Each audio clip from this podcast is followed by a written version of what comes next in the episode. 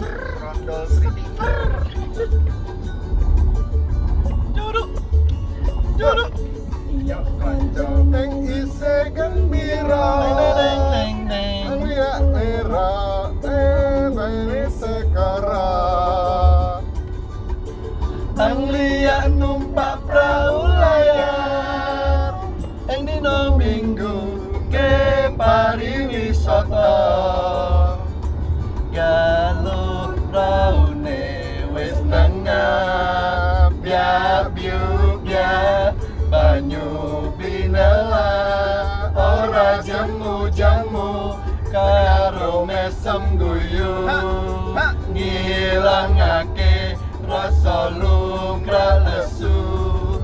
Adik jawel mas. Sepuluh wis sore. Wis tinggal apa katon ngawe-ngawe Prayogane becik bali wae. Dene sesuk-esuk Kumandang nyambut gawe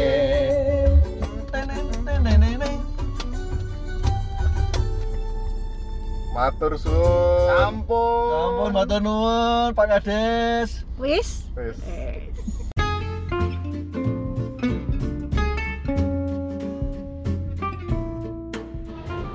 Hai, ketemu lagi para pendengar Kopi Hitam underscore podcast di IG kita yang Seruputnya. seruputnya sore hari bersama kita lagi empat empat sekawan dengan saya uh, Brobi Saya Mas Fer. Mas J yang Saya fenomenal yang tidak punya SMS. SMS punyanya cuman IG Oh. yang dikelola oleh manajemen IG dan yang paling yang paling kerja keras di podcast kita yaitu SS. Miss S Terus es yang paling menggemaskan menggemaskan es batu. bikin Es batu. gregetan, bikin jantungan apalagi Kali ini kita mau membahas mengenai kuliner kuliner. kuliner-kuliner yang kita temukan pada saat perjalanan road trip kita dari dari Jakarta, Pekalongan, Semarang, Semarang, Solo Jog- Solo dan Jogja. Jogja dan kembali lagi ke Pekalongan dan Malang dulu Jog Semarang Kalongan dan dan Jakarta. Jakarta. PP lah ya. Hmm. Jadi Ada- ya untuk episode kali ini mungkin kita mulai bahas dulu dengan eh, kota Semarang. Kali ini banjir.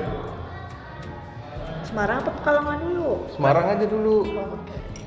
mungkin sedikit Hmm. Mas Bagus bisa menjelaskan sedikit tentang Bisa. apa sih kuliner itu Kuliner di berasal dari kata apa? Awalnya Kul, kan apa? kul dan liner. Enggak, enggak. Jadi kuliner itu mungkin ya kalau misalnya istilah kuliner mungkin pertama kali kita pernah dengar dari almarhum Pak eh, Bondan Winarno ya. Jadi beliau salah satu eh, food blogger yang sangat dan eh, apa namanya food em, apa namanya uh, Reviewer. reviewer dari food bener banget Mas J. Thank you sudah apa membantu saya untuk ini karena saya cukup tergagap-gagap secara Dulu ya? tiba-tiba iya karena ya tahu sendiri kan apa namanya kopi hitam podcast ini kan viewernya uh, terus menanjak nih dari setiap episode ke episode jadi kita harus 2000 ke 3000 sekarang udah hampir data analitik kita ini harus benar J. jadi di surah kuliner mungkin itu tapi akhirnya antusiasme kita terhadap kuliner uh, cukup tinggi sehingga kuliner yang berasal dari bahasa Inggris menjadi bahasa serapan di bahasa Indonesia mungkin kalau bahasa Indonesianya apa kira-kira Mas Fir kuliner makan-makan mungkin Hmm, bisa. Kalau menurut saya sih kuliner itu ya sesuatu yang berhubungan dengan masakan. Jadi bisa dia itu camilan, Mm-mm. bisa itu masakan tradisional, Mm-mm. bisa itu oleh-oleh. kenapa nggak bilang masakan aja Masakan aja. instead of kuliner Hmm. Karena ya itu karena sudah dipopulerkan oleh Oh, sehingga dan cukup dengan, ya. dengan eh, apa namanya istilah yang sampai sekarang kita eh, sering dengar masih terngiang-ngiang Mm-mm. yaitu apa maknyus Maknyus. maknyusnya jadi sering dipakai oleh semua orang pada saat mereka menyatakan bahwa makanan itu enak iya itu dengan maknyus Dan lagi mungkin semenjak ya drama Korea mulai apa namanya mendunia bahkan sampai ke Indonesia adalah ada lagi satu istilah namanya mukbang, mukbang. Hmm, saya baru dengar tuh mukbang Mas J kayaknya tahu nih, Apa artinya apa? mukbang, muk dan bang. Jadi Harus ada muk di yang- bang, Harus ada yang jadi polisi, harus ada yang jadi penjahat. Jadi mukbang artinya apa? Mukbang, Ya artinya apa? muka bangke, mukbang. Enggak enggak. Jadi Apa? mukbang Jadi itu artinya ada yang memberitahu dan harus ada yang menanyakan. Iya, mukbang itu Skenario gitu. Iya, jadi mukbang itu makan besar. Jadi kita misalnya let's say uh, satu orang biasanya makan satu piring. Kalau mukbang itu karena saking enaknya masakan kita mungkin bisa jadi satu panci makannya. Jadi makan besar. Ya, jadi kalau di Indonesia itu memang eh, karena di Indonesia itu sangat beragam sekali masakan bak- dari masakan yang eh, masakan tradisional, masakan pasar, masakan yang level-level eh, restoran. Jadi digeneralisasi oleh almarhum Bonda itu menjadi eh, Kuliner. kuliner Nusantara. Nusantara, Jadi betul. itu termasuk mungkin bagian dari cara mempersatukan Oke. eh, keanekaragaman di Indonesia dalam hal makanan. Iya. Kalau Mbak Sri waktu melihat kuliner di Semarang, mungkin episode ini kita bahas yang Semarang dulu. Nanti episode selanjutnya uh, kita bahas yang lain. Kira-kira kalau kita dengar kata Semarang, pertama kali yang Mbak Sri lihat waktu masuk kota Semarang apa tuh? Saya teringat Wingko Babat. Wingko babat. Ya, nah, Wingko Apa itu wingko babat? Wingko Babat itu semacam makanan cemilan itu Hmm. terbuat dari kelapa. Hmm. Eh, Biasanya makannya pakai apa? Wingko babat.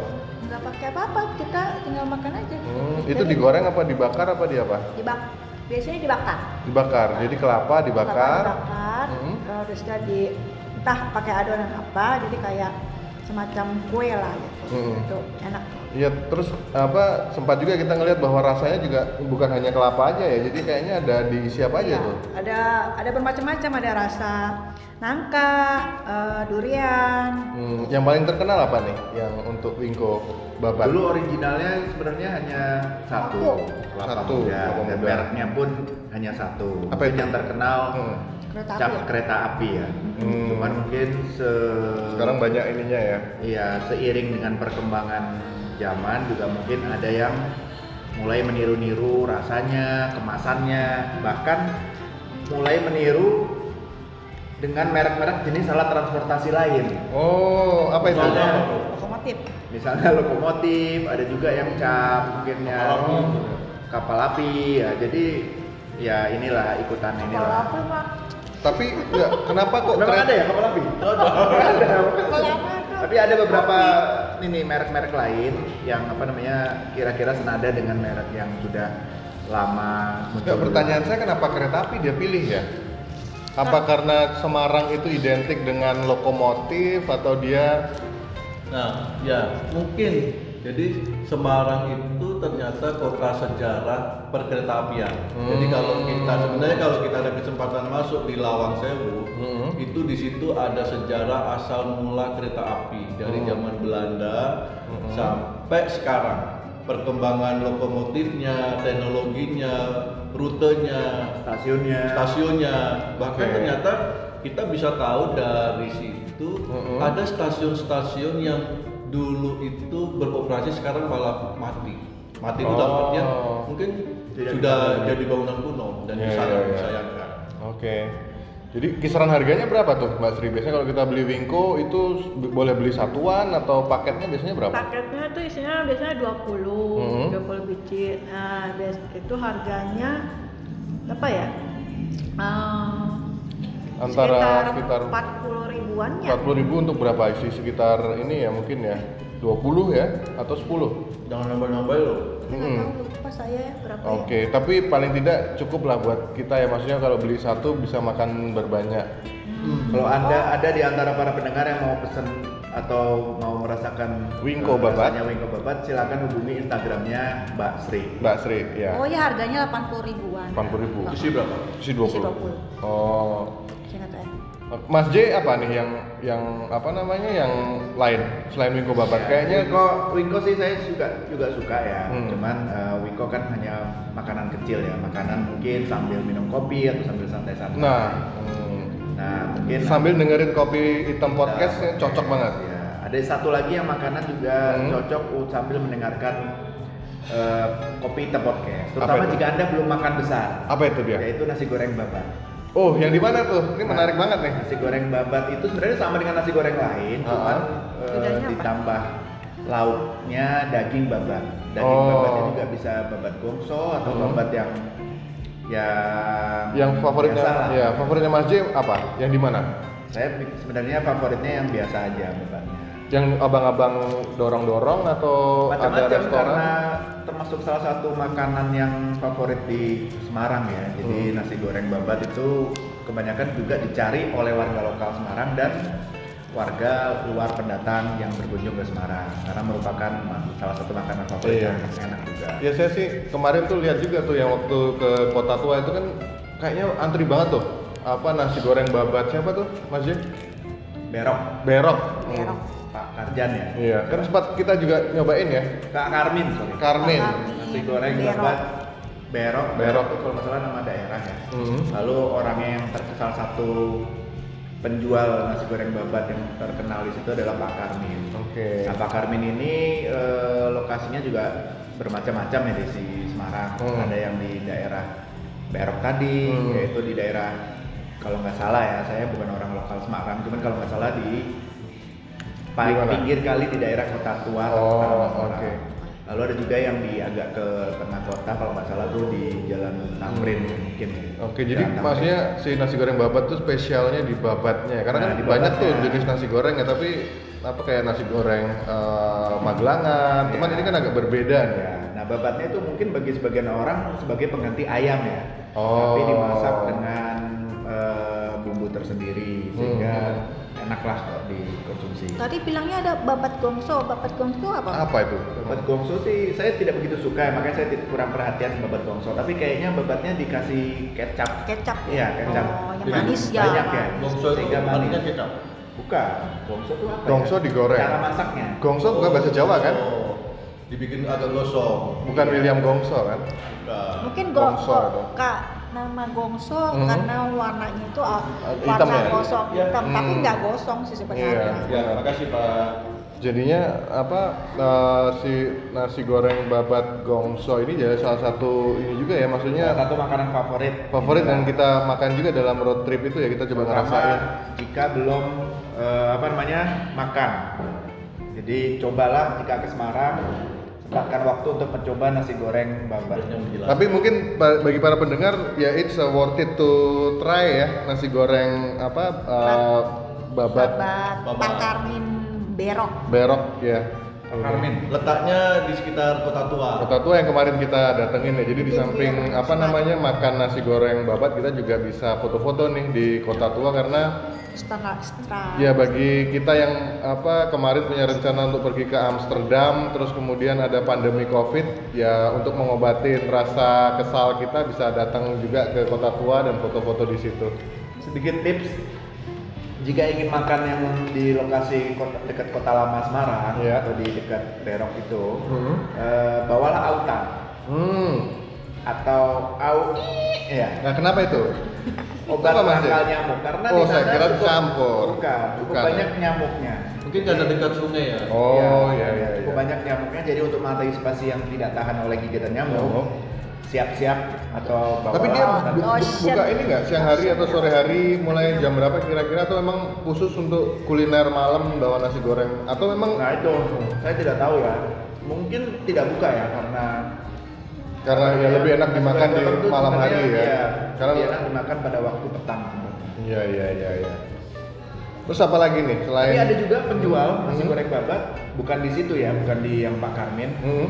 atau bukan di yang lokasi situ Hmm. jualnya juga pada waktu siang makan siang ada juga gitu. Ada? saya pernah juga soalnya makan Oh. nasi goreng babat bukan di situ jualnya siang dan itu nasi goreng babat juga bisa dicampur dengan pete Oh, iya. suka pete Kalau mie bisa nggak dicampur dengan mie? Mie Jadinya nasi goreng babat maut. boleh aja Nasi goreng babat maut. maut, ya. Gak ada yang larang Nggak ada? country country Oke.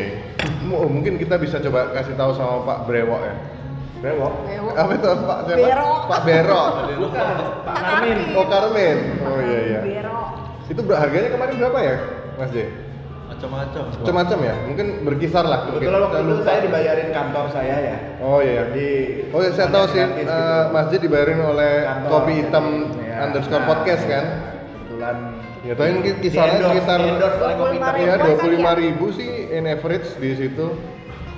Itu jadi apa? em, ya it's a worth uh, to try lah para pendengar.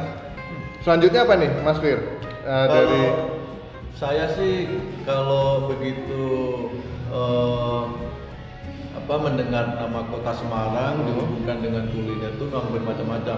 Cuma Apa ada dua yaitu Hmm. sama dengan Miss S tadi, Hah? Wingko Babat dan Lumpia. Lumpia. Nah, ini Lumpia, menarik karena nih. lumpia di Semarang itu cukup cukup khas.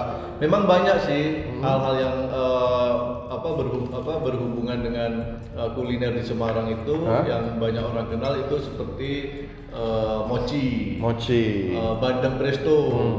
Terus satu lagi saya pernah eh, merasakan namanya masakan Mhm. ikan manyung itu seumur hidup baru Nyus. pertama kali Ikan dan enak sekali Ikan maknyus. saya lupa namanya waktu itu malam hari ya malam hari eh, dia- Lokasinya di mana? Hmm, dimasak Lupa. apa? Dimasak apa nih? Ikan manyung. di Asap. di kayak kita makan di Oh, Kayak iya, iya, iya, iya. kayak di gulai ya. Di gulai ya? Iya. Tapi tadi cukup menarik sih mungkin lumpia bisa ini karena di Semarang kayaknya Nah, pe- Semarang itu- pelafalannya menggunakan lun menggunakan n. kalau saya eh, ingin ingin ini eh, apa namanya membahas sedikit mengenai saya bukan ahli lumpia Mhm. tapi saya sering makan lumpia di beberapa tempat Oke. di kampung saya ada lumpia, di Mhm. Surabaya ada lumpia, di Mhm. Semarang ada lumpia. Mhm. Ternyata memang di Semarang itu mungkin karena memang kota lumpia, Mhm. dia sudah eh, berpengalaman dan dia bisa membuat bagaimana lumpia itu Ya. enak. Enak Oh, Misalnya gini, ya. Misalnya gini, Hmm. bahannya itu kan dari rebung. Rebung itu bagi Rebung. orang yang nggak bisa masak itu baunya pesing. Oh, nah itu ya banyak Yang sih. kemarin kita makan, Hmm, hmm. lumpia apa namanya? Miss S. Lumpia, Lumpia Gang Lombok, Lombok. nomor Nah, 11. Gang Lombok. Itu Buka dari jam baru- 8 pagi. Baru itu yang namanya Hmm. menikmati lumpia enak banget. Hmm. Selama ini saya menikmati lumpia itu baunya pesing. Ya ya ya ya. Nah kemarin itu enggak. Mungkin Mas Fir eh, makan lumpia di dekat Toilet? Toilet? Enggak, Enggak ya? Enggak, enggak. Oh. Lebih pesing dari toilet. Mungkin Oh. karena cara masaknya enggak benar. Iya, kayaknya mungkin dia masak di, di toilet. Mungkin. Ini Apa kayak- apa mungkin dari toilet dia belum cuci tangan. Oh, bisa jadi makanya. Mungkin. Ya, ya mungkin bagi sebagian orang dia apa merasa bahwa kayak rebung itu memang ada sih kayak Mas Fir bilang bahwa oh ini kayaknya agak pesing Iya, segala macam karena memang mereka udah berpengalaman, tahu dia cara memasak rebung yang. Iya kemarin sih kita berempat nyoba di apa Lumpia Semarang Gang Lombok itu ketika buka jam 8 kita dapat nomor Oh, antrian antrinya, 10 iya. Oh, ngantri. Itu padahal tapi- masih pagi loh, masih Iya. setengah Buka sembilan. jam 8 kita setengah 10 dapat ya. Oh, oh. Iya, jadi Tapi, mungkin ya bagi eh, antrian kita terobati dengan rasa Oh, iya, betul. Enak, Enak. tenang. Jadi harga- foto loh kita, ya nggak Harga ya nggak? berapa harga? Harga itu sekitar tujuh belas ribu, 17.000 per, ya. per lumpianya. Hmm. Itu untuk yang kering atau basah? Eh, dua-duanya, Dua-duanya. kering dan Iya, basah. jadi ada Dua-duanya 17. ada dua jenis ya Oh. itu ada yang kering ada yang uh, basah ininya jadi bagi yang senang kering ya apa uh, bisa pesen yang kering bagi senang yang di apa basah direbus itu ini dan dua-duanya sih rasanya enak Ada satu mas bagus yang Apa kita itu? belum coba, tapi saya dulu pernah coba. Apa itu? Apa itu? Namanya tahu Gimbal. gimbal. gimbal oke nah ini menarik juga nih Tahu gimbal itu Iya. dia Apakah tahu bahannya- gimbal itu? Bahannya tahu, oke dibikin agak gimbal, benar nggak? Bukan, gimbal itu bukan, gimbal itu udang. Oh udah. Oh, iya, bahasa apa? tahu ya. Jawa? Tahu. Jawa. yang seperti kupat tahu sih sebenarnya. hmm. Ya, Mungkin ada kupatnya ada lontongnya Hmm. dan tapi dicampur eh, gimbal udang, Udang. jadi irisan udang Kita dan belum- udang goreng. Kita belum Hmm. coba ya. Udangnya kayaknya digoreng sama tepung ya? Iya, di udang goreng tepung sehingga jadi seperti Hmm. kupat tahu Magelang tapi ini oh kalau tahu beda dengan bala-bala apa bala-bala beda nah bala-bala kan dimakan tersendiri ya. Kalau Oh. ini dicampur ke Kupat tahu. Kupat tahu. oh Bisa pedas, jadi pakai bumbu kacang ya kalau kupat tahu juga pakai bumbu kacang. Bisa pedas, bisa tidak. Tapi semuanya sih nikmat ya kalau kupat tahu itu ya. iya Terutama kalau yang senang pedas mungkin kok kupat tahu nikmat apa sorry eh, Tahu gimbal. tahu gimbal. Hmm. Rasa kupat tahu plus gimbal itu nikmat. Iya. Ya mungkin banyak juga kita jumpai waktu ke arah mana tuh Mas J? Eh, Kapolda ya. Polda Jateng itu kan banyak tuh sederetan eh, tahu gimbal. Ya tahu gimbal. Banyak ya penjual tahu gimbal. Tapi enaknya dimakan apa tuh tahu gimbal tuh siang, pagi atau Bebas juga sebagai sih. bebas ya? Bebas. Sebagai side dish, maksudnya makan samping Bebas Sebenarnya tahu gimbal tuh bagian dari camilan. Samila. Karena enak, karena dimakan eh, lebih enak dimakan dalam keadaan hangat. Hmm. Itu sepertinya sih enak dimakan malam hari. Oh, iya sih. Sama dengan Cuman- kita makan tahu lontong, tahu kupat, apa tahu kupat tahu. Mungkin sore kali ya, karena kalau malam nanti dekat Oh, dengan makan, ya? ya makan malam jadinya ketika habis makan tahu gimbal kita nggak makan lagi yang makan lebih besar atau mungkin jadi malah makannya double double nih ininya. Ada satu lagi mas di Semarang. Apa itu? Namanya soto Semarang. Oh, apa soto Semarang? Kan dulu Soto ayam. Bedanya dengan soto ayam ya? Soto ayam. Dia soto ayam. Bedanya? Tapi, Hmm? tapi sulit membedakan ini soto ayam biasa, soto Semarang. Kalau soto Kudus sudah pasti beda. Beda ya, karena di soto Kudus ya. Madura sudah pasti beda. Karena di Madura. Soto Lamongan pasti beda. Hmm. Beda kita bedakan. Bisa bedakan ini soto apa bisa bedakan. Oh, Tapi soto Semarang ini sulit bedakan dengan soto ayam biasa. Oh. Tahu, bedanya apa aja? Bedanya mungkin cara ininya ya. eh, namanya? Cara masaknya orang Masaknya Semarang. ya. Rempah-rempahnya beda kali. Mungkin Iya, ya. rempah-rempahnya beda. Jadi Eh, itu dia bening atau sih. Kalau santan? saya lihat lebih encer ya. Kalau soto Semarang itu lebih Bening, encer. bening. bening ya? Bening dan apa lebih banyak soun eh bukan soun apa sih? Eh, Longsor ya. kan? Ya nggak soun lah soto. Mie. ya, ya ada sounnya. Oh. Dan pakai nasi biasanya. Oh. Pakai nasi. Nah, Iya, iya. ngomong-ngomong tentang soto, Hah? Oke, sebelum itu soto yang terkenal di Semarang itu yang pernah saya coba adalah soto Pak Darno sih sebenarnya. Pak Darno. Itu soto Semarang. Soto Semarang, soto ayam Pak Darno. Hmm. Cuman mungkin pendengar podcast Kopi Hitam punya referensi lain soto ayam mana ya. Ada juga yang soto ayam Bangkok. Itu Semarang juga? Bangkok. Iya. Di Hmm. Semarang ada eh, soto ayam Bangkok. Hmm. Eh, mungkin Ayam mirip- Bangkok. Ya, mungkin mirip dengan soto ayam Pak Darno itu, cuman beda selera aja. Nah, ngomong-ngomong tentang soto, kita juga nanti akan berkunjung ke suatu kota Hmm. Di Di mana? pesisir pantai utara di dekat Semarang yaitu Pekalongan. Oke.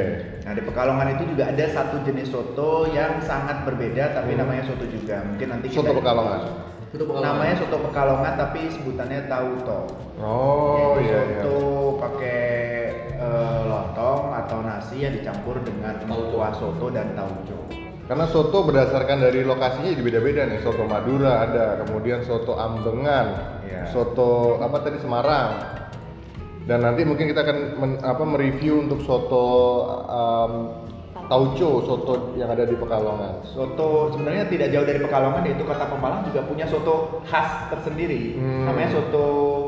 Grombyang. Soto grombyang itu eh, bahan ininya dagingnya eh, ke- kerbau ya.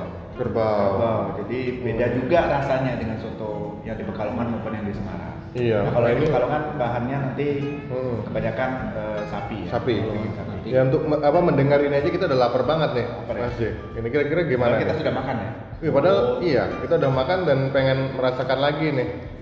Itu untuk Eh, ngomong-ngomong kita kemarin ke Pekalongan makan apa ya? Oh iya, kita kemarin ke Pekalongan, tapi mungkin nanti kita bahas eh, Iya. lebih ini di Oh iya, biar, aja. Ini biar, kan Semarang. biar pendengar penasaran ya. Hmm, gitu. Jadi apa namanya?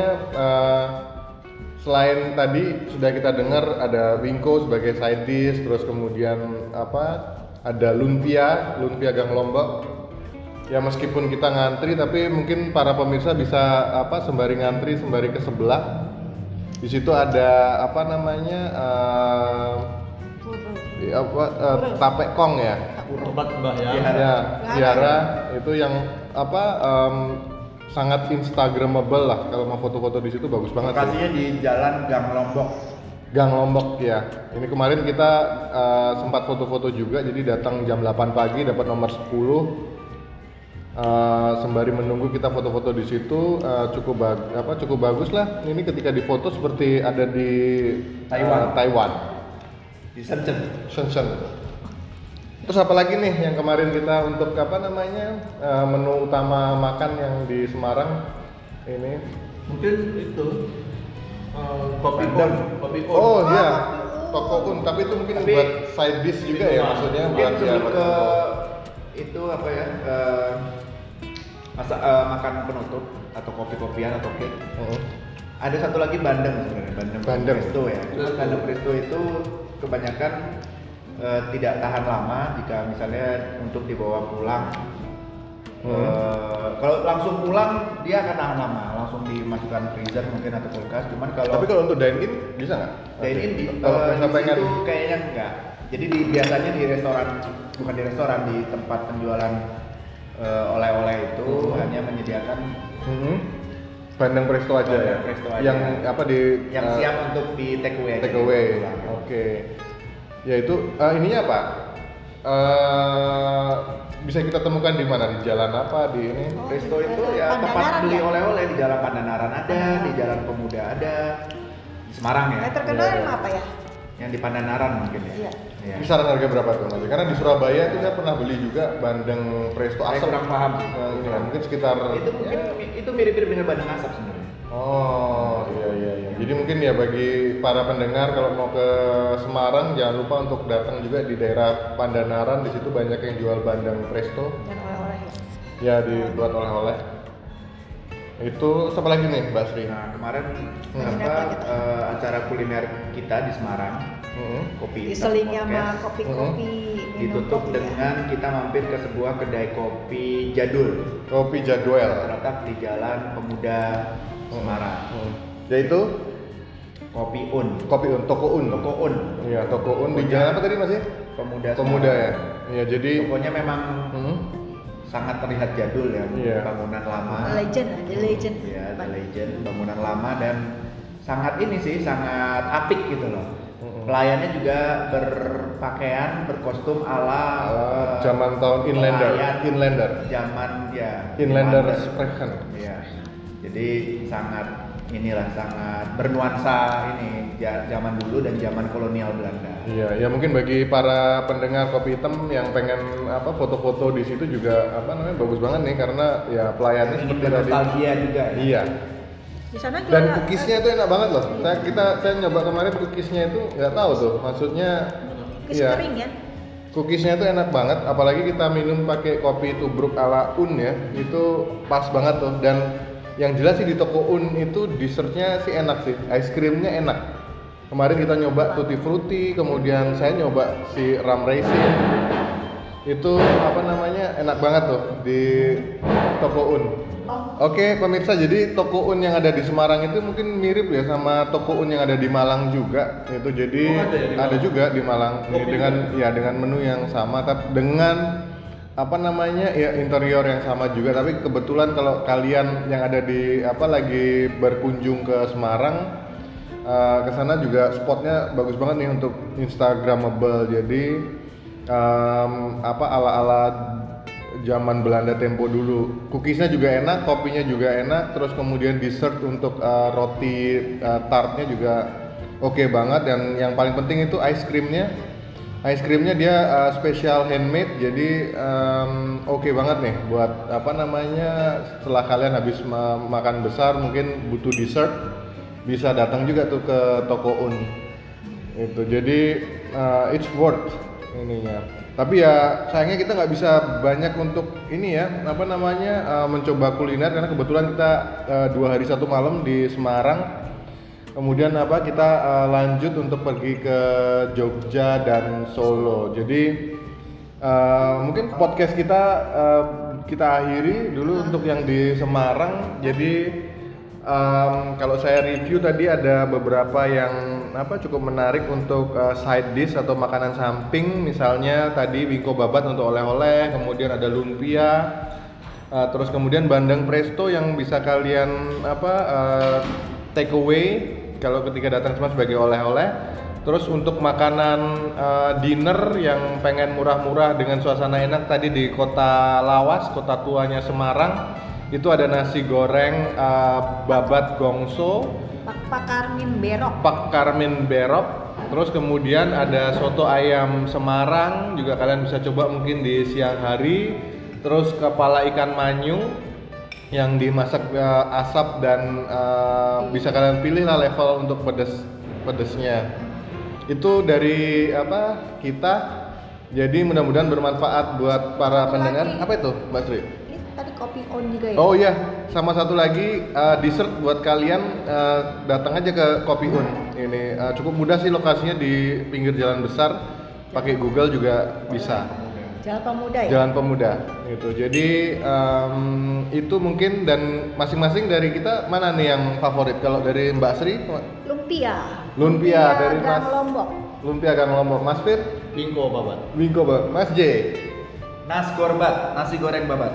Tadi katanya nas gorbat biasa-biasa aja baru harus makan pakai autan. Oh jadi. iya, itu kan tipsnya. Tipsnya. Tapi kan bisa makan nasi goreng babat di mana saja. Tidak Iya. harus di tempat yang mesti bawa autan. Iya. Kalau saya sendiri, saya seneng eh, setelah habis apa nemanin eh, teman-teman yang bertiga tadi, saya lebih seneng untuk dessertnya yang ada di toko Un sekaligus foto-foto. Mungkin nanti bisa kalian lihat foto-foto kita di IG kita di eh, kopi hitam underscore podcast. Dan jangan lupa juga untuk meninggalkan komen ya di Instagram kita atau eh, seperti tadi ada beberapa info yang kita juga nggak tahu. Mungkin kalian bisa bantu untuk menjelaskan ke kita bagi eh, teman-teman yang tinggal di Semarang. Dan juga mungkin ada rekomendasi lain dari apa eh, kuliner yang kita coba di Semarang kemarin mungkin bisa di DM kita. Oh iya biasanya kita ada eh, giveaway. Jadi kita punya eksklusif tumbler yang eh, bisa kita cetak eh, dengan nama kalian eh, pemenang kalian bisa pakai untuk eh, menikmati kopi hitam kalian dengan tumbler tersebut. Jadi em, episode 1 sampai episode 4 kemarin sudah eh, kita rilis untuk apa pertanyaan-pertanyaannya. Kalian bisa jawab untuk berikutnya mungkin siap-siap aja dengerin nih mulai dari episode 5 sampai 9 atau mungkin sampai 10 ya, Mbak Sri. Kuisnya ada di Instagram kita. Mm-mm, di Instagram jadi kalian Jadi, bisa bisa tinggal, ini uh, follow uh, follow kita, follow Instagram kita. Ya. Kopi hitam at- underscore podcast ya itu terus kemudian jangan lupa ya ini uh, di mention ke tiga teman kalian yang ada di Instagram untuk uh, follow juga akun kita karena uh, semakin banyak kalian apa uh, mention teman-teman kalian semakin besar kesempatan kalian dapetin uh, giveaway dari kita. Mungkin untuk episode 1 dan 4 kita akan uh, kasih uh, eksklusif tumbler kita yang biasanya uh, kita pakai nongkrong-nongkrong. Kalian bisa lihat fotonya juga di uh, IG kita. Itu aja. Terima kasih sudah mendengar apa obrolan santai kita mengenai kuliner yang ada di Semarang pada saat road trip kita. Mudah-mudahan bermanfaat. Eh, sampai jumpa di episode selanjutnya. Dah.